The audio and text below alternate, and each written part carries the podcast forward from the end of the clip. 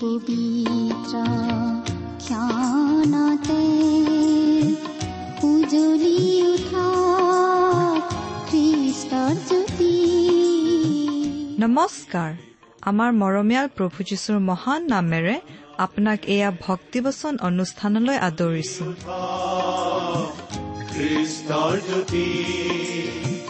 আকাশ বতাহ মুখৰিত কৰি গাঁও হাৱে মিলি প্ৰশংসা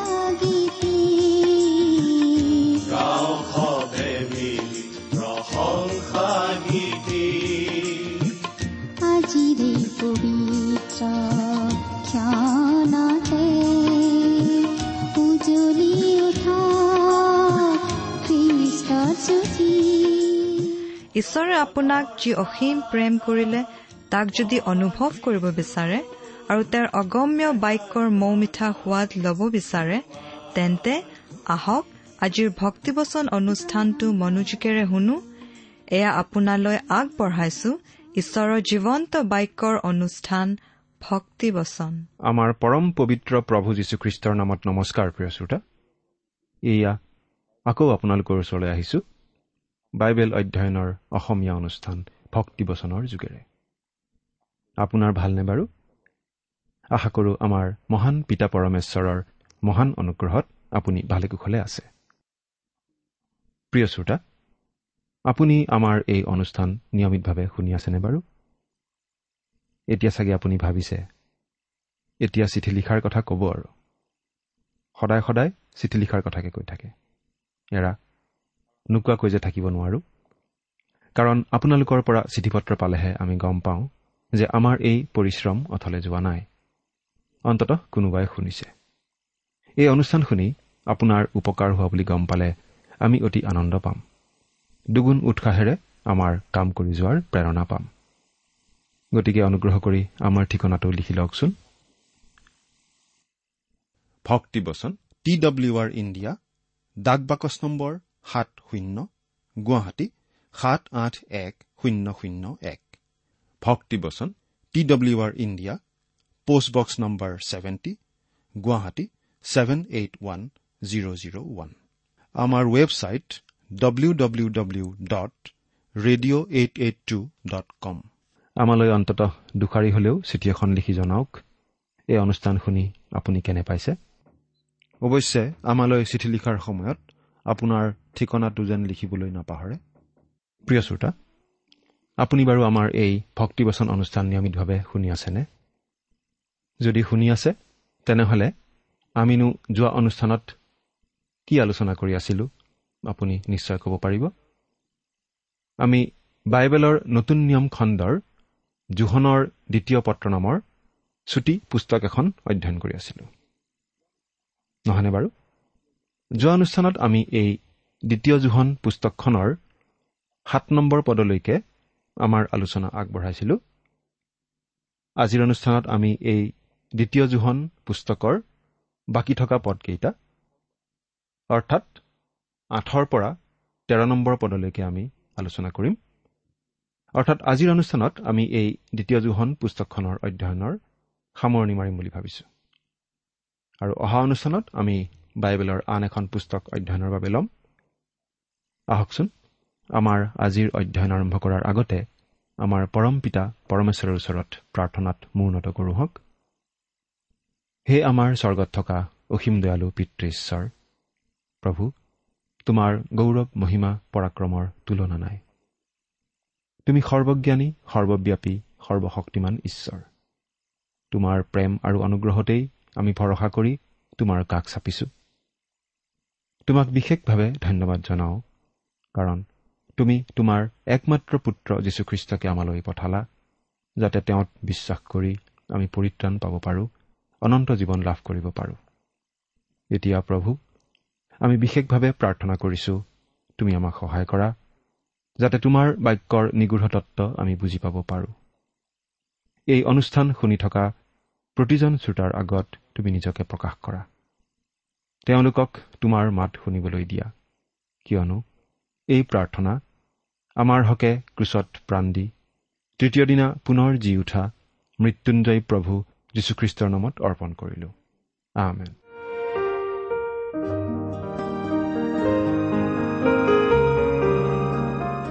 প্ৰিয় শ্ৰোতা চাওঁতে চাওঁতে আমি বাইবেলৰ ছয়ষষ্ঠিখন পুস্তকৰ এখন এখনকৈ অধ্যয়ন কৰি গৈ আছো আৰু এনেদৰে গোটেই বাইবেলখন আমি অধ্যয়ন কৰিম। আপুনি আমাৰ এই ভক্তিবচন অনুষ্ঠান নিয়মিতভাৱে শুনি থাকিলে আমাৰ লগতে গোটেই বাইবেলখন অধ্যয়ন কৰাৰ সুবিধা পাব। এই অনুষ্ঠান বাইবেল অধ্যয়নৰ অনুষ্ঠান। আমি এই অনুষ্ঠানত বাইবেলৰ পৰা পোনে পোনে পাঠ কৰি দিওঁ আৰু যিমান পাৰোঁ সহজ সৰলভাৱে আমাৰ আলোচনা আগবঢ়াবলৈ চেষ্টা কৰোঁ। এই অনুষ্ঠান শুনিবৰ সময়ত লগত এখন বাইবেল লৈ লোৱা ভাল। প্ৰিয় শ্ৰোতা আপোনাৰ লগত বাৰু বাইবেল আছেনে নাই? যদি নাই সোনকালে এখন যোগাৰ কৰি ল'বলৈ যেন চেষ্টা কৰে। এই অনুষ্ঠানটো শুনিবৰ সময়ত লগত কাগজ কলম লৈ ল'লে আৰু ভাল হয়। কিবা কথা হয়তো আপোনাৰ টুকি থ'বলৈ মন যাব পাৰে। মনত কিবা প্ৰশ্নৰ উদয় হ'লে লিখি থ'ব পাৰে। পাছত আনৰ পৰা জানি ল'ব পাৰিব। আমালৈও লিখিব পাৰে। কিন্তু লগে লগে টুকি নথলে পাছততো পাহৰি যাবও পাৰে। বাৰু এতিয়া আমি মূল কথালৈ আহোঁ। আমি বাইবেলৰ পৰা পাঠ কৰি দিম। লগত যদি বাইবেল আছে চাই যাব। আৰু যদিহে বাইবেল নাই অনুগ্ৰহ কৰি মন দি শুনি যাব। পাঠ কৰি দিছোঁ। দ্বিতীয় জোহন আঠ নম্বৰ পদ। ইয়াত এনেদৰে লিখা আছে তোমালোকে যি যি কৰিলা সেই সকলো যেন নেহেৰুওৱা কিন্তু সম্পূৰ্ণ পুৰস্কাৰ যেন পোৱা তাৰ কাৰণে নিজলৈ সাৱধান হ'বা।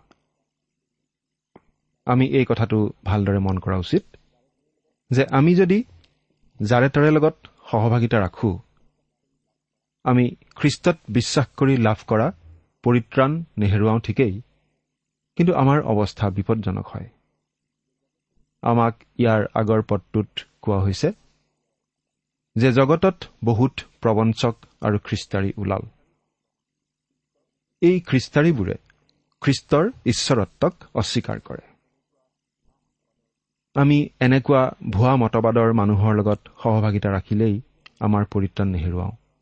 কিন্তু আমি আমাৰ পুৰস্কাৰ হেৰুৱাওঁ। এনেকুৱা ভুৱা মতবাদৰ লোকৰ লগত মিলি পৰা খ্ৰীষ্টীয় বিশ্বাসীয়ে ঈশ্বৰৰ পৰা কোনো পুৰস্কাৰ নাপাব। আমি খ্ৰীষ্টীয় বিশ্বাসীসকলে সদায় পুৰস্কাৰ পাবলৈ যত্নপৰ হোৱা উচিত। প্ৰভু যীশুৰ পৰা। আমি যিদিনা প্ৰভু যীশুৰে সৈতে মুখামুখি হ'ম সেইদিনা যাতে প্ৰভু যীশুৱে আমাক ক'ব পাৰে। চাবাইছ উত্তম বিশ্বাসী দাস তুমি অলপ বিষয়তে বিশ্বাসী আছিলা। তোমাক অনেক বিষয়ৰ গৰাকী পাতিম। তুমি তোমাৰ প্ৰভুৰ আনন্দৰ ভাগি হোৱা। মুঠি লিখা শুভবাৰ্তা পঁচিছ অধ্যায় একৈশ পদ। জীৱনৰ বিয়লি বেলা পাচনি পৌলে এনেদৰে ক'ব পাৰিছিল। পাঠ কৰি দিছো। দ্বিতীয় তিমঠীয় চাৰি অধ্যায় সাত আৰু আঠ পদ। মই সেই উত্তম যুদ্ধত প্ৰাণপণ কৰিলো। নিৰূপিত পথৰ শেষলৈকে দৌৰিলো। বিশ্বাস ৰাখিলো। এতিয়াৰ পৰাই মোৰ নিমিত্তে ধাৰ্মিকতাৰূপ কিৰিটি ৰাখি থোৱা হৈছে। ধাৰ্মিক বিচাৰকৰ্তা প্ৰভুৱে সেইদিনা তাক মোক দিব। কেৱল মোকে নহয় কিন্তু তেওঁৰ আৱিৰ্ভাৱক প্ৰেম কৰা সকলোকে দিব। পাচনি পৌলেও এই বিষয়ে সম্পূৰ্ণৰূপে নিশ্চিত হ'ব পৰা নাছিল। তেওঁ আশা কৰিছিল কামনা কৰিছিল তেওঁৰ কাৰ্যবোৰ যাতে প্ৰভু যীশুৱে অনুমোদন জনায়। তেনেহ'লে আমি কিমান সাৱধান হোৱা উচিত ভাবি চাওকচোন। গতিকে আমি যাতে ভুৱা মতবাদৰ দ্বাৰা বিপথে নাযাওঁ যাতে বিভ্ৰান্ত নহওঁ তাৰ বাবে সাৱধান হোৱা উচিত। প্ৰভু যীশুতেই আমি অনবৰতে লাগি থকা উচিত। তেওঁৰ বাক্য অধ্যয়ন কৰি থকা উচিত। এতিয়া ন নম্বৰ পদটো পঢ়ি দিছো। যিকোনোৱে খ্ৰীষ্টৰ উপদেশত নাথাকি আগলৈ যায় ঈশ্বৰ তেওঁৰ নাই। যিজনে সেই উপদেশত থাকে তেওঁৰেই পিতৃ আৰু পুত্ৰ এই উভয় আছে। উপদেশত নাথাকি আগলৈ যায়। এই কথাখিনি আচলতে মূল গ্ৰীক শব্দ প্ৰ' এগৰ অসমীয়া ৰূপ। এগ মানে যোৱা। প্ৰ' এগ মানে আগে আগে যোৱা। গতিকে ইয়াত ঠিক লংঘন কৰা কথাটো বুজোৱা হোৱা নাই। কিন্তু যিমান উচিত তাতকৈ বেছি আগবাঢ়ি যোৱা ধৰণৰ ভাৱ এটাহে প্ৰকাশ কৰা হৈছে। যিমান উচিত তাতকৈ আগবাঢ়ি যোৱা নাইবা এটা চৰম মতলৈ আগবাঢ়ি যোৱা। গ্নষ্টিকবিলাকে ঠিক এনে এটা অৱস্থান লৈছিল। গ্নচিছ মানে জ্ঞান। গ্নষ্টিকবিলাকে আনতকৈ বেছি জ্ঞান পোৱা বুলি ভাবিছিল। নিজকে তেওঁলোকে জান্তা বা মহাপণ্ডিত বুলি মানিছিল। আনকি আজিও এনেকুৱা লোক আমি দেখিবলৈ পাওঁ। নিজেই সকলো কথা জনা আনতকৈ সদায় বেছি জনা বুলি ভবা লোক। কিন্তু এনেদৰে ভবা লোকসকল আচলতে খ্ৰীষ্টীয় বিশ্বাসৰ মূল তত্বত নাই। এই কথা আমি ইয়াতে বুজি পাওঁ। এদল খ্ৰীষ্টীয় বিশ্বাসী লোকে আন খ্ৰীষ্টীয় বিশ্বাসীতকৈ নিজকে অধিক ধাৰ্মিক অধিক উৎসাহী বুলি মানিছিল। তেওঁলোক অত্যুৎসাহী আছিল। প্ৰাৰ্থনা কৰোঁতে একেবাৰে মাটিত বাগৰি বাগৰি প্ৰাৰ্থনা কৰিছিল। এবাৰ এজন বিখ্যাত প্ৰচাৰকক এজন লোকে সুধিলে সেই অত্যুৎসাহী দলটোৰ লোকসকল বাৰু স্বৰ্গলৈ যাবনে? তেতিয়া প্ৰচাৰকজনে উত্তৰ দিলে। অলপ ৰসিকতা কৰি যাব যদিহে তেওঁলোকে দৌৰি দৌৰি স্বৰ্গ পাৰ হৈ নাযায়। পাচনি জোহনেও ঠিক এনেকুৱা এটা কথাই আমাক ইয়াত কোৱা যেন লাগে।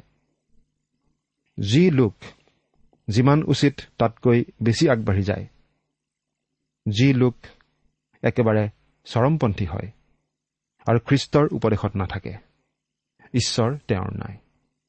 এই কথাটো পঢ়ি আমি বাৰু সাৱধান হ'ব নালাগেনে? আমি নিজক পৰীক্ষা কৰি চোৱা উচিত নহয়নে? আমি বাৰু কি অৱস্থাত আছো? আমি বাৰু কি বিশ্বাস কৰি আছো? আমি খ্ৰীষ্টৰ উপদেশত আছোনে? নে তাতকৈ আগবাঢ়ি গৈছো? আমি বাৰু খ্ৰীষ্টৰ উপদেশৰ লগত আৰু কিবা কিবি কথা যোগ দিছো নেকি? আমি বাৰু খ্ৰীষ্টীয় বিশ্বাসৰ লগত আমাৰ নিজৰ চিন্তাধাৰাও সানি পুতকি পেলাইছো নেকি? এই সকলো কথা আমি ভালদৰে পৰীক্ষা কৰি চোৱা উচিত। যিজনে সেই উপদেশত থাকে তেওঁৰেই পিতৃ আৰু পুত্ৰ এই উভয় আছে। প্ৰকৃত খ্ৰীষ্টীয় বিশ্বাসীৰ এইটো এটা চিন। যদি আপুনি খ্ৰীষ্টৰ উপদেশত আছে তেন্তে আপোনাৰ ভয় নাই। কাৰণ আপোনাত পিতৃ ঈশ্বৰ আৰু পুত্ৰ ঈশ্বৰ যীশুখ্ৰীষ্ট দুয়োজনাই আছে। আৰু যদিহে দুয়োজনাই আপোনাত আছে তেনেহ'লে পুত্ৰ যীশুৰ যোগেদি পিতৃ ঈশ্বৰৰ ওচৰলৈ যোৱাৰ প্ৰৱেশাধিকাৰ আপোনাৰ আছে। আপুনি পৰিত্ৰাণ পোৱা লোক। আপুনি প্ৰকৃত খ্ৰীষ্টীয় বিশ্বাসী। যদি আমি খ্ৰীষ্টৰ উপদেশত থাকোঁ তেনেহ'লে পিতৃ ঈশ্বৰৰ সন্মুখলৈ অহাৰ অধিকাৰ আমি পাওঁ। তেওঁৰ মহান অনুগ্ৰহ অপৰিসীম অনুগ্ৰহৰ বলত। এই আশীৰ্বাদ প্ৰতিজন খ্ৰীষ্টীয় বিশ্বাসীয়ে লাভ কৰিব পাৰে। খ্ৰীষ্টৰ উপদেশত থকা মানে তেওঁৰ উপদেশতেই খোপনি লৈ থকা। আৰু এইটো এটা স্থায়ী বন্দোবস্ত। এই অৱস্থান এই স্থিতিটোৰ পৰিৱৰ্তন হ'ব নোৱাৰে। কাৰণ যীশুখ্ৰীষ্টৰ উপদেশবোৰ সলনি নহয়। তেওঁ কোৱা কথাবোৰ একেই আছে। খ্ৰীষ্টীয় বিশ্বাসৰ কথাবোৰ আমি সলনি কৰিব নোৱাৰো। পিতৃ ঈশ্বৰ পুত্ৰ ঈশ্বৰ সলনি নহয়। তেওঁলোক একেই আছে। আগতে যেনেকুৱা আছিল আজিও তেনেকুৱা আছে। ভৱিষ্যতেও তেনেকুৱাই থাকিব। একেই থাকিব। গতিকে আমিও সময়ৰ পৰিৱৰ্তনৰ লগে লগে আমাৰ বিশ্বাস সলনি কৰিব নোৱাৰোঁ। আমি যদি প্ৰকৃত খ্ৰীষ্টীয় বিশ্বাসী তেনেহ'লে আমি দহ বছৰ বা বিছ বছৰ আগতে যিবোৰ কথা বিশ্বাস কৰিছিলোঁ আজিও সেই কথাই বিশ্বাস কৰোঁ। কাৰণ খ্ৰীষ্টীয় বিশ্বাসৰ কথাবোৰ সলনি নহয় আমি সলনি কৰিব নোৱাৰোঁ। আমি যদি খ্ৰীষ্টৰ উপদেশত থাকোঁ আমি তাতেই খোপনি লৈ থিৰে থাকিব লাগিব। আৰু তেতিয়া আমি জানিম আমাত পিতৃ আৰু পুত্ৰ উভয়ে আছে। এতিয়া আমি এটা গুৰুত্বপূৰ্ণ পদ পঢ়িবলৈ পাম। অলপ মন দি শুনিব। পঢ়ি দিছো। দহ নম্বৰ পদ। ইয়াত এনেদৰে লিখা আছে। কোনোৱে যদি সেই উপদেশ নলৈ তোমালোকৰ ওচৰলৈ যায় তেন্তে তেওঁক ঘৰত গ্ৰাহ্য নকৰিবা আৰু মংগল হওক বুলি তেওঁক নকবা। ইয়াতকৈ আৰু অধিক চোকা ভাষাৰে ক'ব পাৰিনে? এই কথাখিনি আলোচনা কৰাৰ আগতে আমি আকৌ মনত পেলাই লোৱা ভাল হ'ব যে পাচনি জোহনে এই চিঠিখন লিখিছিল সত্যৰ কাৰণে মনোনীত কুৰিয়লৈ। তেওঁ হয়তো এগৰাকী লেখত ল'বলগীয়া মহিলাও হ'ব পাৰে তেওঁৰ অতিথি পৰায়ণতাৰ বাবে।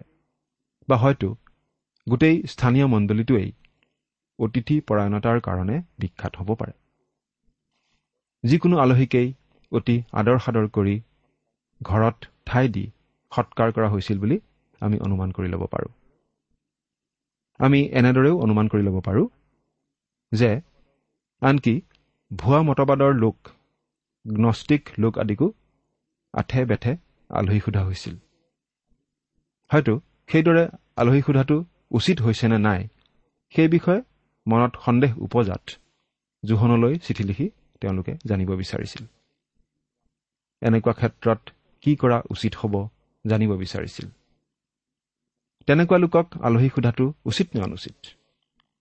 তেনেকুৱা লোকক ঘৰত ঠাই নিদিলে কিবা বাৰু অপৰাধ হ'ব নেকি? অবিশ্বাসী লোক ভুৱা মতবাদ বিলাই ফুৰা লোক আদিৰ প্ৰতি ব্যৱহাৰ কেনেকুৱা হোৱা উচিত? খ্ৰীষ্টৰ ঈশ্বৰত্বক অস্বীকাৰ কৰা কিন্তু নিজকে খ্ৰীষ্টিয়ান বুলি চিনাকি দি ফুৰা লোকবোৰৰ প্ৰতি কেনে ব্যৱহাৰ কৰা উচিত? তেনেকুৱা লোকক ঘৰত ঠাই দিয়া উচিত নে অনুচিত? ইত্যাদি ইত্যাদি কথাবোৰ নিশ্চয় জানিব বিচাৰিছিল জোহনৰ পৰা। আমি এই কথাটো মনত ৰখা উচিত যে সেই সময়ত ৰুমিয়া সাম্ৰাজ্যত কোনো পাঁচ তাৰকাযুক্ত হোটেল মোটেল আদি নাছিল। সৰু সৰু অতিথিশালাবোৰ থাকিবলৈও বৰ বেছি ভাল নাছিল।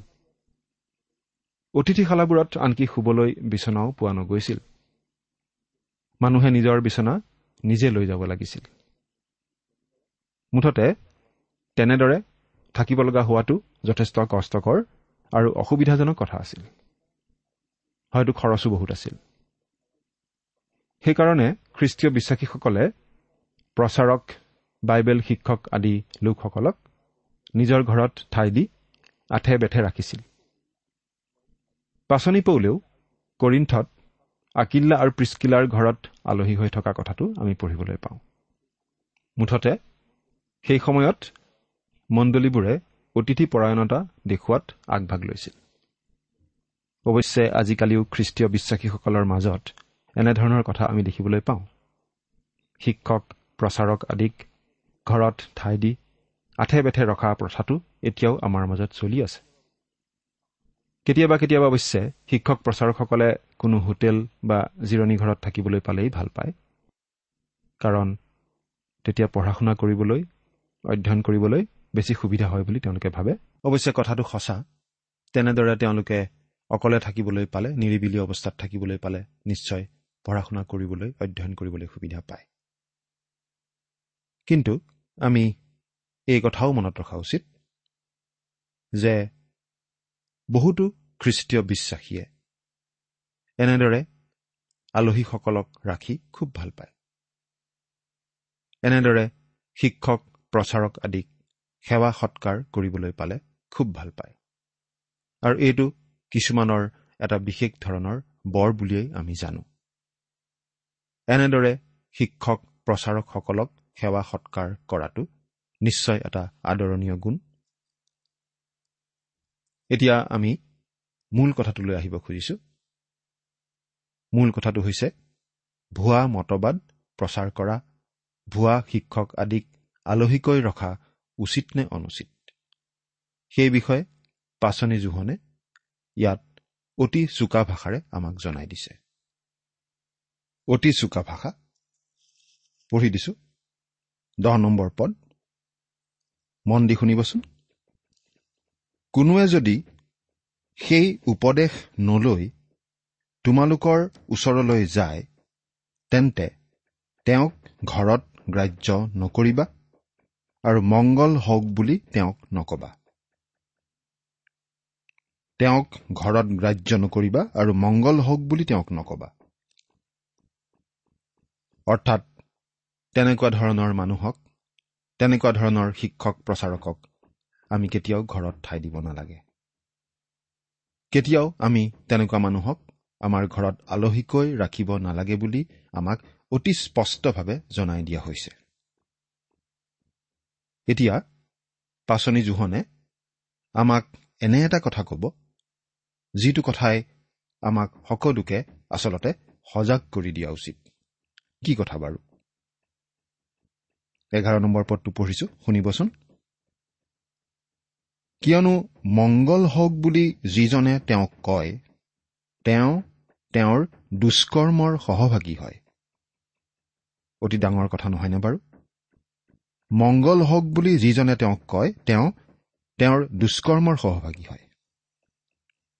এৰা প্ৰিয় শ্ৰোতা ইয়াত পাচনি জোহনে আমাক এই কথাই বুজাইছে যে যদি আমি কোনো ভুৱা মতবাদ বিলাই ফুৰা ভুৱা শিক্ষা দি ফুৰা ভুৱা শিক্ষক প্ৰচাৰকক ঘৰত স্থান দিওঁ আলহীকৈ ৰাখোঁ বা কিবা ধৰণে তেনেকুৱা মানুহক সহায় আগবঢ়াওঁ।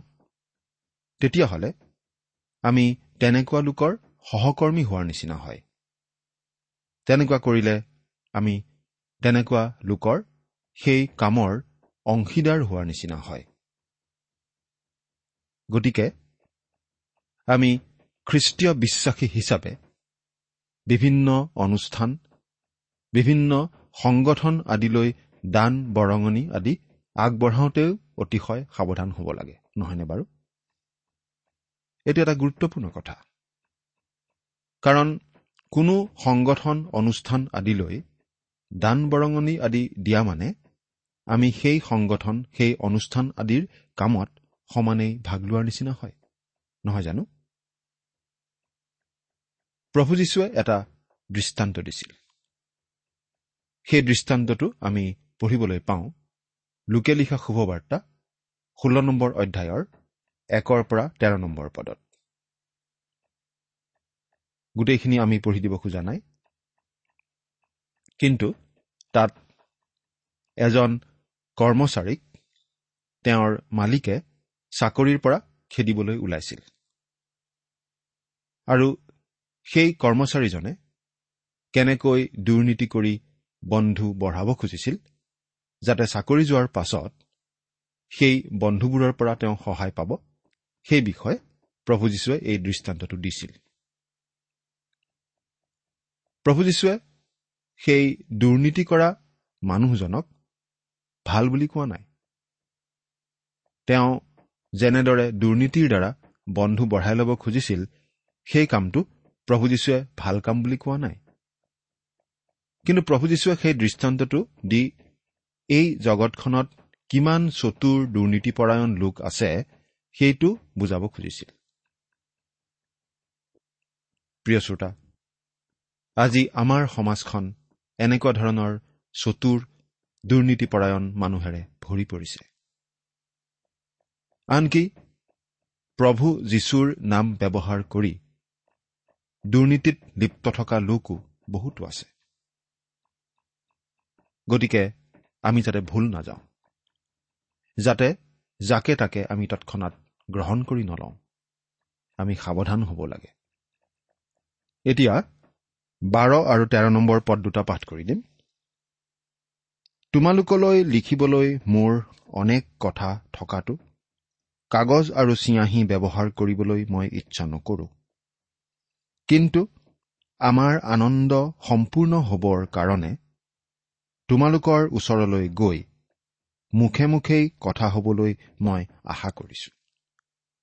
তোমাৰ মনোনীত ভনীয়েৰাৰ সন্তানবিলাকে তোমাক মংগলবাদ কৰিছে।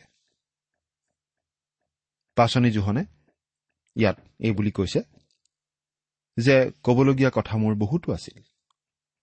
কিন্তু কথাবোৰ মই হাতেৰে লিখি জনোৱাতকৈ মুখেৰে ক'বলৈ পালেই ভাল পাম। মুখামুখিকৈ কথাবিলাক ক'বলৈ পালেই মোৰ ভাল লাগিব। প্ৰিয় শ্ৰোতা গীত ৰচক ডায়ুদেও ঠিক তেনেকুৱা ধৰণৰ কথাই কৈছিল। গীতমালা পঞ্চল্লিছ নম্বৰ গীতৰ এক নম্বৰ পদ মোৰ মন শুভ কথাৰে উপচি পৰিছে। মই ৰজাৰ বিষয়ে ৰচনা কৰা কথা বৰ্ণাইছো। মোৰ জীৱা বেগী লিখকৰ কলমৰ নিচিনা। আমি লিখাতকৈ কবলৈ পালে বেছি ভাল পাওঁ। সেইবাবেই এই ৰেডিঅ' পৰিচৰ্যাটো আমি ইমান ভাল পাওঁ। কাৰণ আমি কথা কবৰ সুবিধা পাওঁ ঈশ্বৰৰ বাক্যৰ কথা। প্ৰিয় শ্ৰোতা দ্বিতীয় জোহন পুস্তকখনৰ অধ্যয়নৰ ইমানতেই সামৰণি মাৰিলো। আশা কৰো আগলৈকো আপুনি আমাৰ এই অনুষ্ঠান নিয়মিতভাৱে শুনি থাকিব। ঈশ্বৰে আপোনাক আশীৰ্বাদ কৰক। আহমেন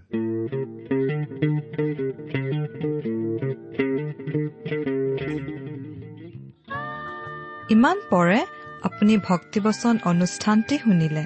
এই বিষয়ে আপোনাৰ মতামত জানিবলৈ পালে আমি নথৈ আনন্দিত হ'ম আমি প্ৰস্তুত কৰা বাইবেল অধ্যয়নৰ আন চিডিসমূহ পাব বিচাৰিলেও আমালৈ লিখক। অনুষ্ঠানটি শুনি কেনে পালে আমালৈ চিঠি লিখি জনাবচোন? অনুষ্ঠানত প্ৰচাৰ কৰা কোনো কথা বুজিব লগা থাকিলেও আমালৈ লিখক। আমাৰ ঠিকনা? ভক্তিবচন ট্ৰান্স ৱৰ্ল্ড ৰেডিঅ' ইণ্ডিয়া ডাক বাকচ নম্বৰ সাত শূন্য গুৱাহাটী সাত আঠ এক শূন্য শূন্য এক। ঠিকনাটো আৰু এবাৰ কৈছো ভক্তিবচন ট্ৰান্স ৱৰ্ল্ড ৰেডিঅ' ইণ্ডিয়া ডাক বাকচ নম্বৰ সাত শূন্য গুৱাহাটী সাত আঠ এক শূন্য শূন্য এক। আমাৰ ইমেইল এড্ৰেছটো হৈছে S M is T T B at the rate radio' eight eight two dot com. আমাৰ ৱেবছাইট ইন আপুনি টেলিফোনৰ মাধ্যমেৰেও আমাক যোগাযোগ কৰিব পাৰে। আমাৰ টেলিফোন নম্বৰটো হৈছে শূন্য তিনি ছয় এক দুই ছয় শূন্য চাৰি ছয় সাত এক। ফোন নম্বৰটো আকৌ এবাৰ কৈছো zero' three six one two six zero' four six seven one আজিৰ অনুষ্ঠানটি ইমানতেই সামৰিছো। ঈশ্বৰৰ শান্তি আৰু অনুগ্ৰহ আপোনাৰ লগত থাকক। ধন্যবাদ। কৰা নকৰিবল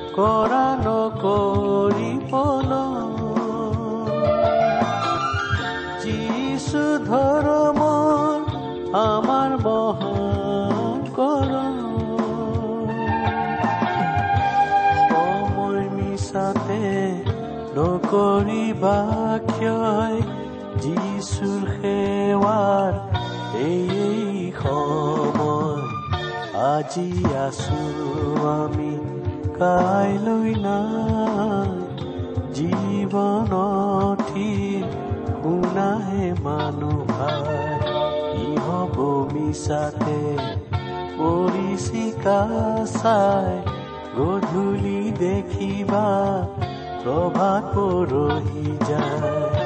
আজি আছো আমি কাইলৈ নাই জীৱনথিৰ